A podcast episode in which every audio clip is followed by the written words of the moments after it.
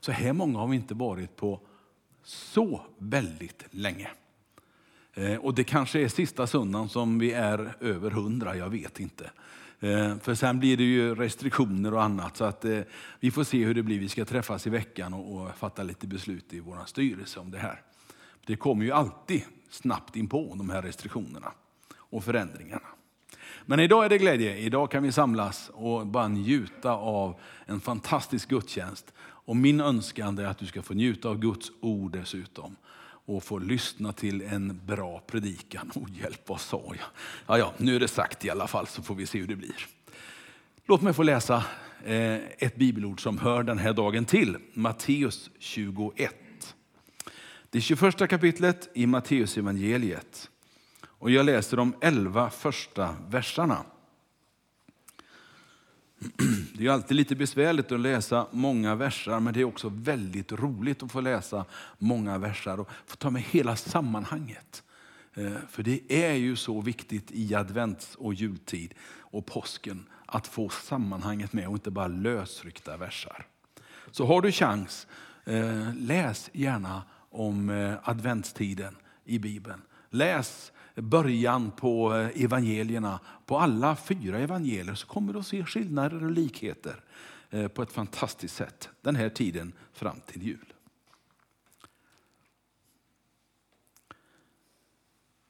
När de närmade sig Jerusalem och kom till Betfage vid Olivberget sände Jesus iväg två lärjungar och sa till dem, gå in i byn där framme framför er.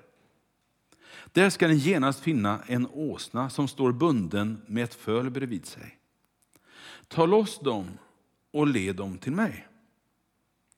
Och om någon säger något till er ska ni svara Herren behöver dem och han ska strax skicka iväg dem. Detta hände för att det som var sagt genom profeten skulle uppfyllas. Se, din dotter Sion Se, din konung kommer till dig ödmjuk och ridande på en åsna, på en arbetsåsnisna, arbetsåsnas föl. Lärjungarna gav sig iväg och gjorde som Jesus hade befallt dem. De hämtade åsnan och fölet och lade sina mantlar på dem, och han satt upp. Den stora folkmassan bredde ut sina mantlar på vägen. Andra skar kvistar från träden och strödde på vägen. Och folket, både de som gick före honom och de som följde efter, ropade Hosianna, Davids son. Välsignad är han som kommer i Herrens namn. Hosianna i höjden.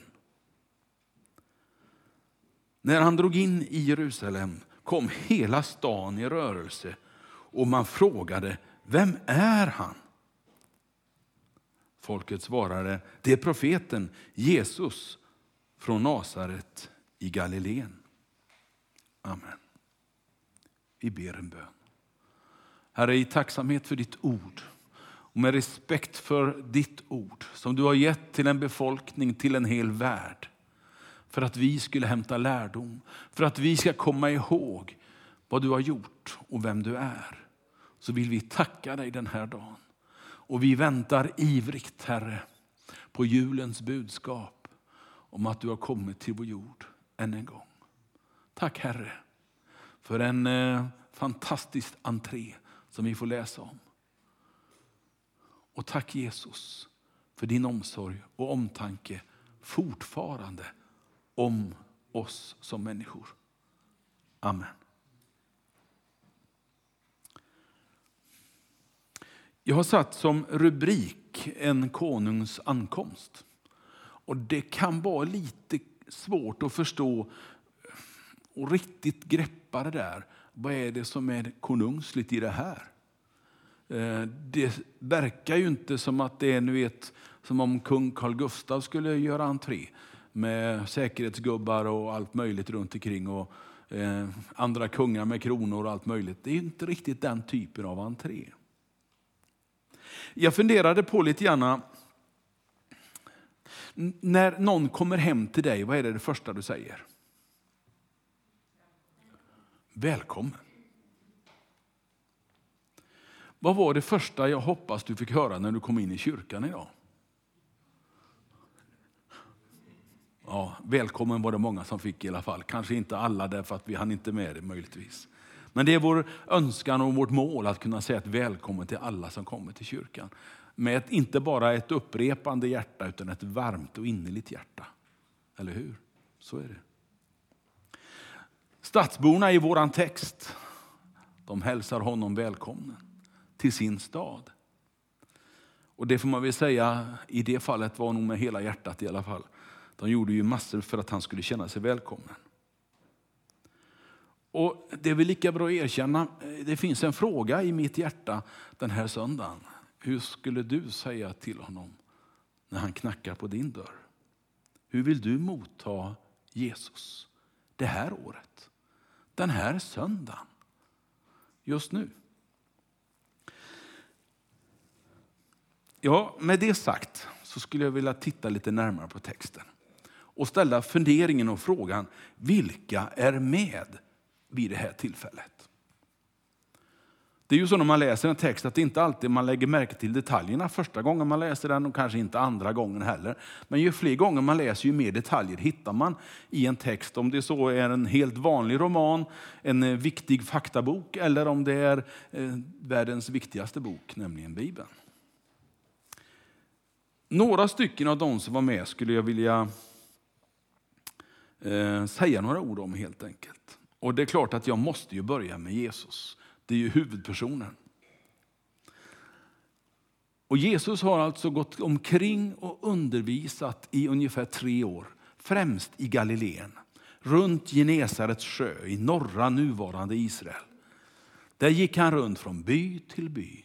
Vad sa han? Han sa Guds rike är nära, sa han.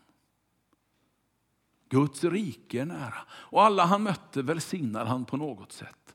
Mötte han barn tog han upp dem i sin famn och välsignade dem. Mötte han den som var sjuk eller på något annat sätt illa åtgången så gjorde han allt han kunde för att det skulle bli bra. Och många blev helade, står det. Han hade en, ett rykte omkring sig som undergörare och till och med Messias gestalt. Och det vill inte säga lite, för det här är ett land som väntade på sin Messias. En utlovad från profeternas tid i vårt gamla testamente. En utlovad gestalt som skulle komma och som de trodde och hade uppfattning om och tolkade som allt skulle bli bra när Messias kom. Då skulle allt ställas till rätta. Romarna skulle åka ut ena vägen och eh, ondskan andra vägen och allt skulle bli bra däremellan.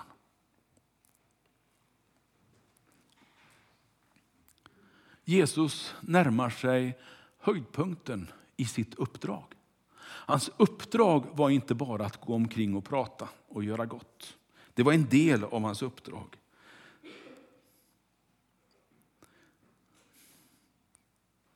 Och möter Jesus gör ett hotande nederlag. Ett fullständigt förkrossande av honom när han hängs upp på ett kors. En utväg som ingen skulle ha gissat en månad tidigare. Han var ju känd som Messiasgestalten, undergöraren, välgöraren. Det fanns ingen tanke på att hänga honom på ett kors hos de allra flesta. Där möter vi Jesus. Där möter vi honom från en lång vandring från Judeen, och, förlåt, från Galileen upp i norr.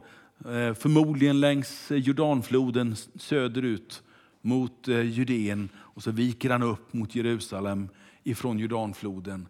En eh, ganska varm vandring. Vi möter också lärjungarna, naturligtvis. De har ju vandrat med honom under de här åren. Inte kanske alla, alla tre åren, men ganska många. Kanske några hade kommit och gått lite grann, men det var ett gäng där som var ganska så fästa vid honom och som ville höra varenda ord han sa. Som var ganska... De tyckte det var viktigt att lyssna på honom. Vi kallar dem för apostlar senare, lärjungarna. Förväntansfulla och stolta över sin mästare. Stolta över att ha fått vandra med Jesus. Stolta över att få höra så mycket om honom. Och nu väntade de, kanske Messias skulle visa sitt rätta jag. Kanske han nu i eh, högtiden i Jerusalem skulle blomma ut och rensa stan ifrån all ockupation som var. Kanske de anade att det fanns en annan agenda hos Jesus. Han hade ju antytt det några gånger, men det hjälpte inte. De flesta fattade det inte, för de ville inte förstå det.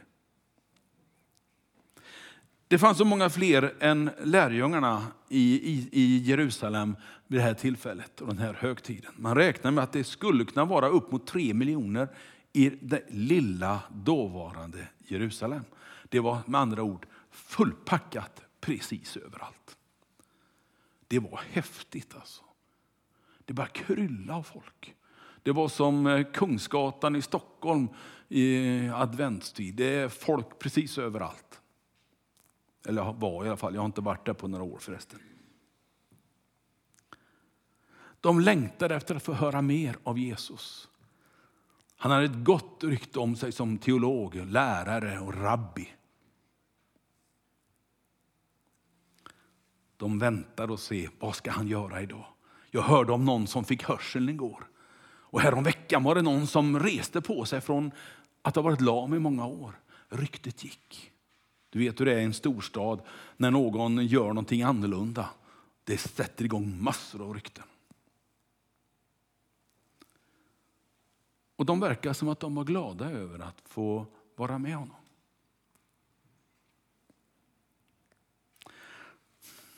Det fanns en annan som var med i det här tillfället som jag har hört någon gång någon har predikat över. Men åsnan är inte så ofta som vi predikar om, eller hur?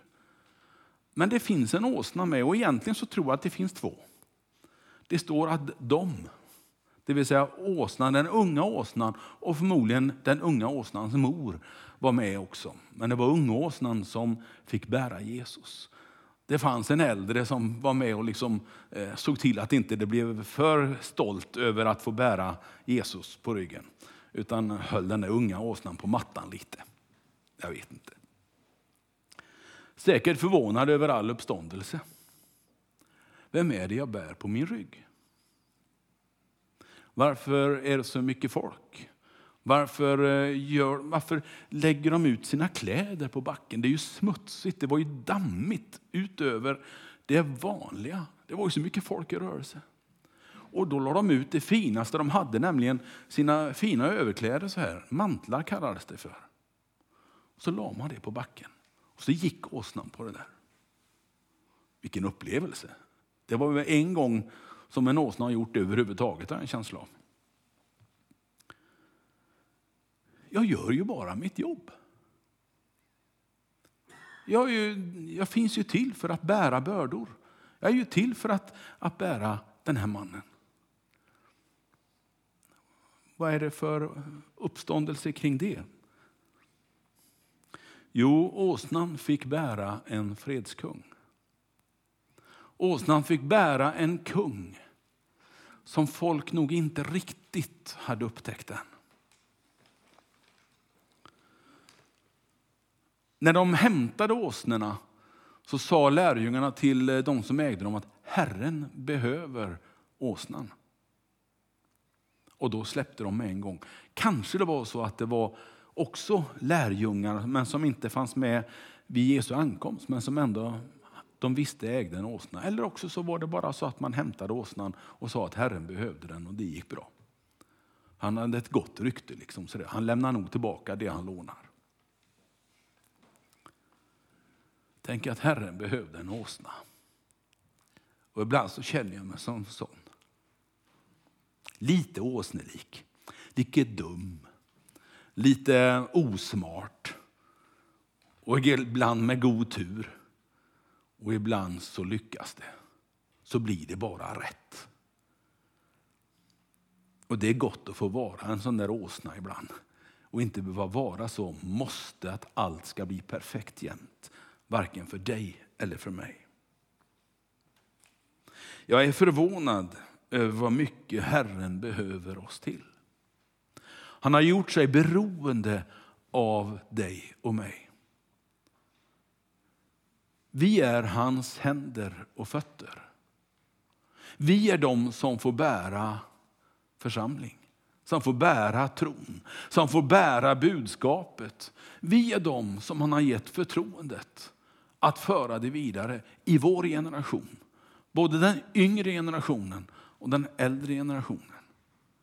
Alla generationer behöver få höra det och vi är bärare av det budskapet, du och jag.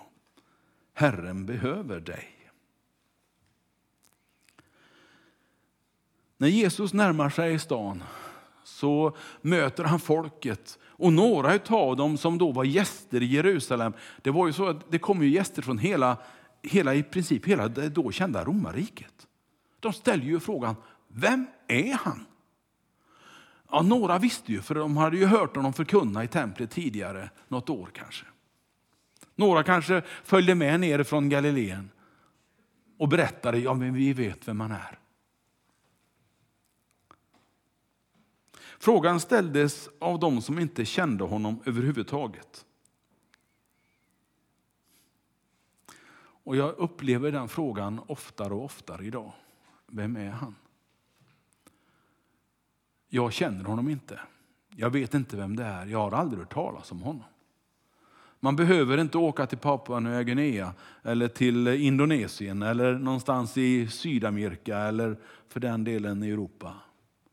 Man kan röra sig i Sverige också och få samma fråga. Vem är han?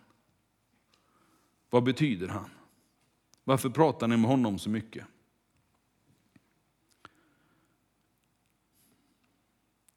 En del sa han är profeten. Man eh, förstod att det var något speciellt med honom. En del sa han är en lärare av klass.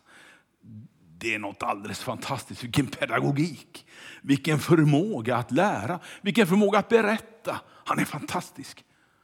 Men något mer är han nog inte. En del kallade honom för mästaren. Lite ödmjukare än bara läraren. En del sa han är Messias. Han är Guds son. Han är frälsaren. Vem säger du? Jag kan inte låta bli. Vem säger du att han är? Vem säger ni att han är? Vem säger vi att han är? Vilken bekännelse har vi? Ibland så har man bekännelse Texter som man läser för att få säga en bekännelse. Jag är inte så van vid det, men det är helt okej okay för mig också. Det viktiga är att hjärtat menar varenda ord i den bekännelse du har. Och Det viktigaste är inte orden på det sättet, utan det du gör, det du är. Om du är bekännelsen, då är det kanske viktigare än ordföljden.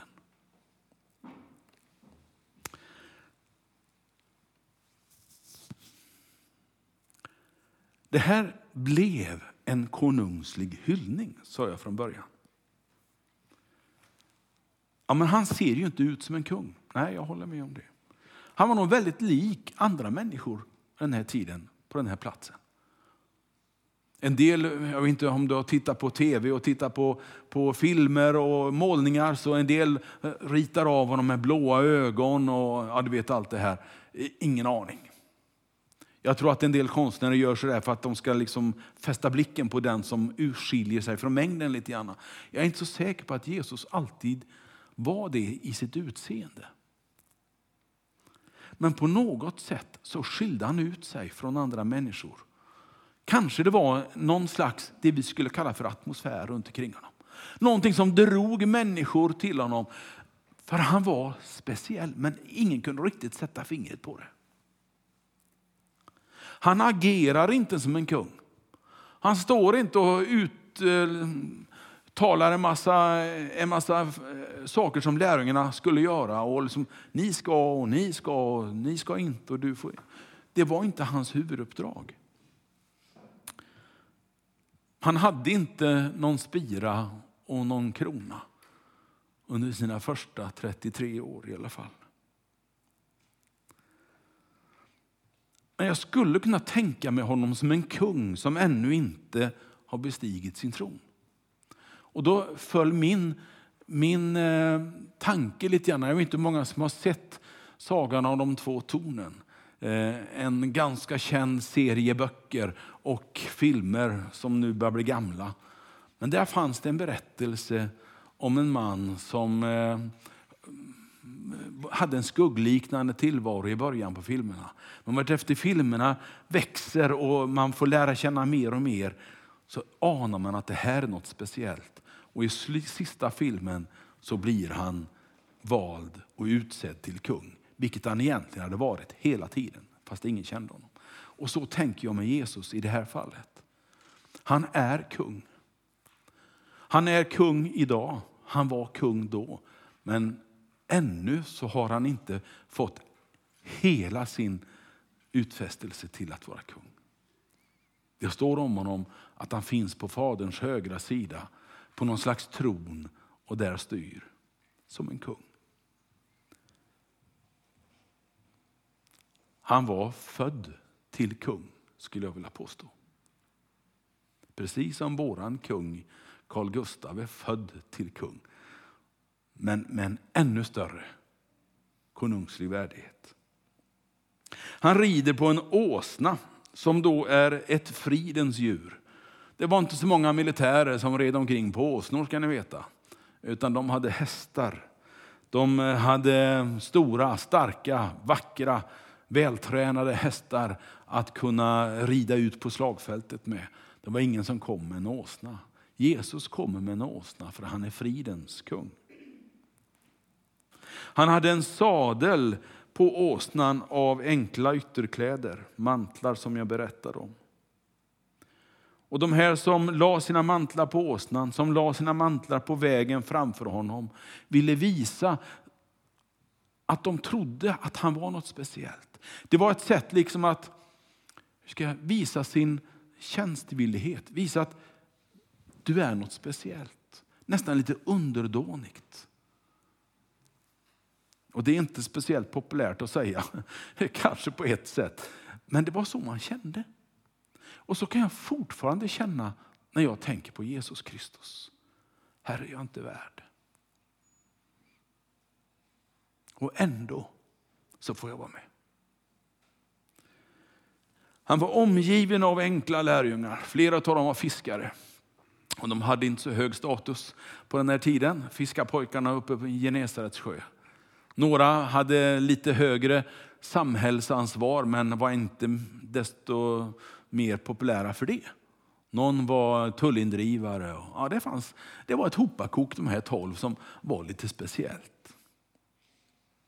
Men ingen av dem gick omkring som soldater. Det hade en kung gjort. Han hade haft ett regemente eller två runt omkring sig. Vår kung han har livvakter, eller hur? Och på den tiden så hade man också livvakter, men de såg lite annorlunda ut bara. Men Jesus han hade bara lärjungarna.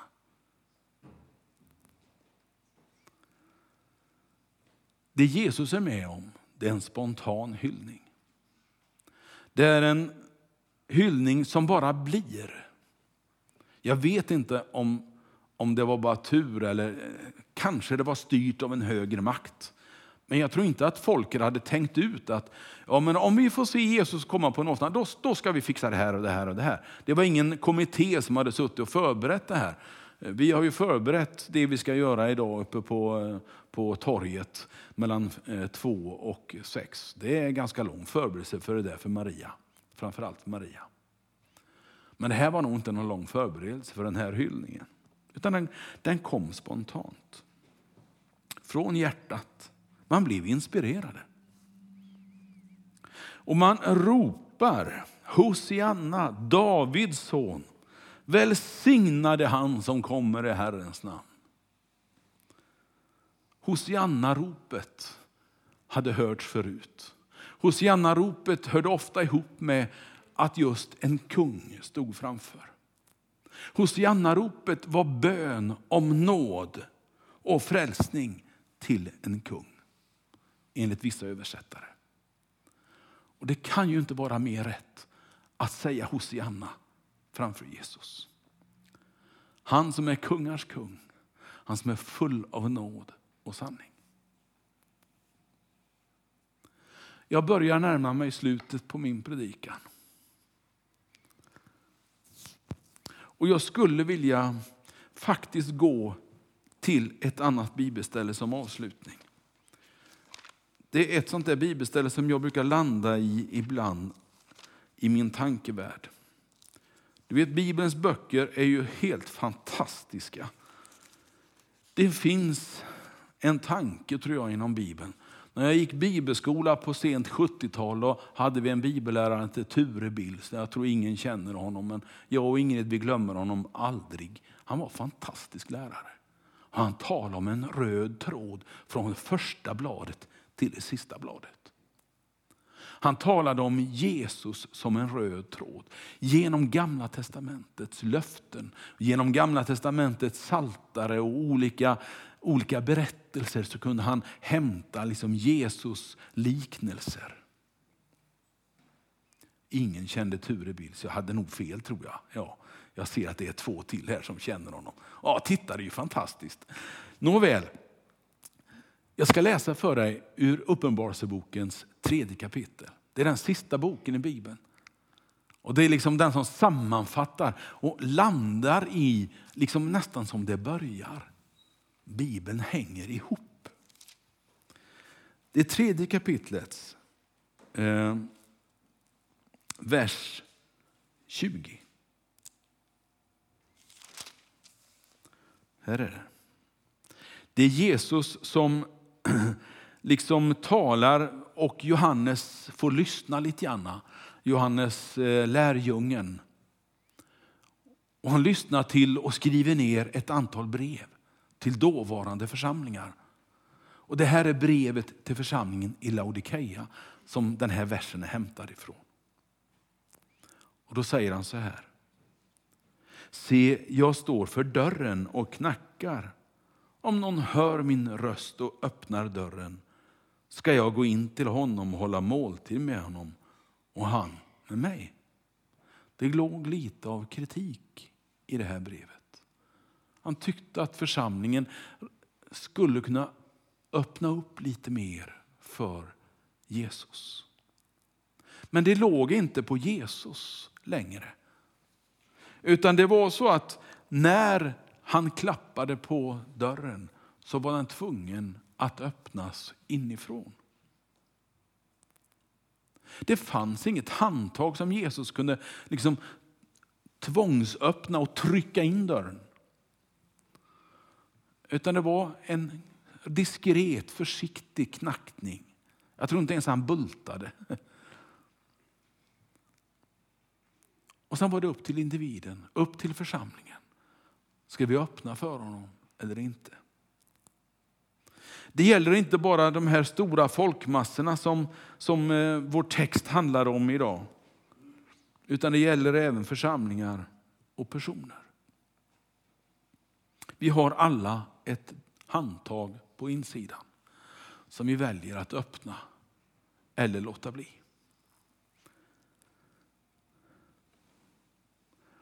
Och då handlar det om, hos dig och mig, om vi ska göra det och öppna upp.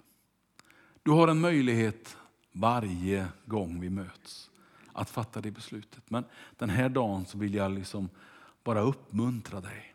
Passa på och öppna, för idag står han där. Och knackar på ditt hjärtas dörr och frågar. Det är advent. Får jag komma in? Får jag eh, Ska vi ha lite gemenskap? Vi kan fika lite, hade han nog sagt om det hade varit idag. Ska vi ta en bulle? Ska vi ta en fika tillsammans? Vi pratar lite. Vi har lite att prata om du och jag. Jag tänkte mig så här, jag tänkte si, jag tänkte så. Jag tror att eh, när du öppnar så kommer du nog att lyssna en hel del, men kanske också en del frågor. Och när du öppnar för honom så kan det ibland vara gott att få, att få liksom prata med någon annan också. Så att du, jag har öppnat för Jesus. Eh, hur, hur ska jag gå vidare? ja, då kan du komma till någon utav oss i, i eh, församlingsledning, i, bland pastorerna här i kyrkan. Eller någon som du har gått förtroende för. Så kan ni prata om det där, att du också har öppnat för Jesus.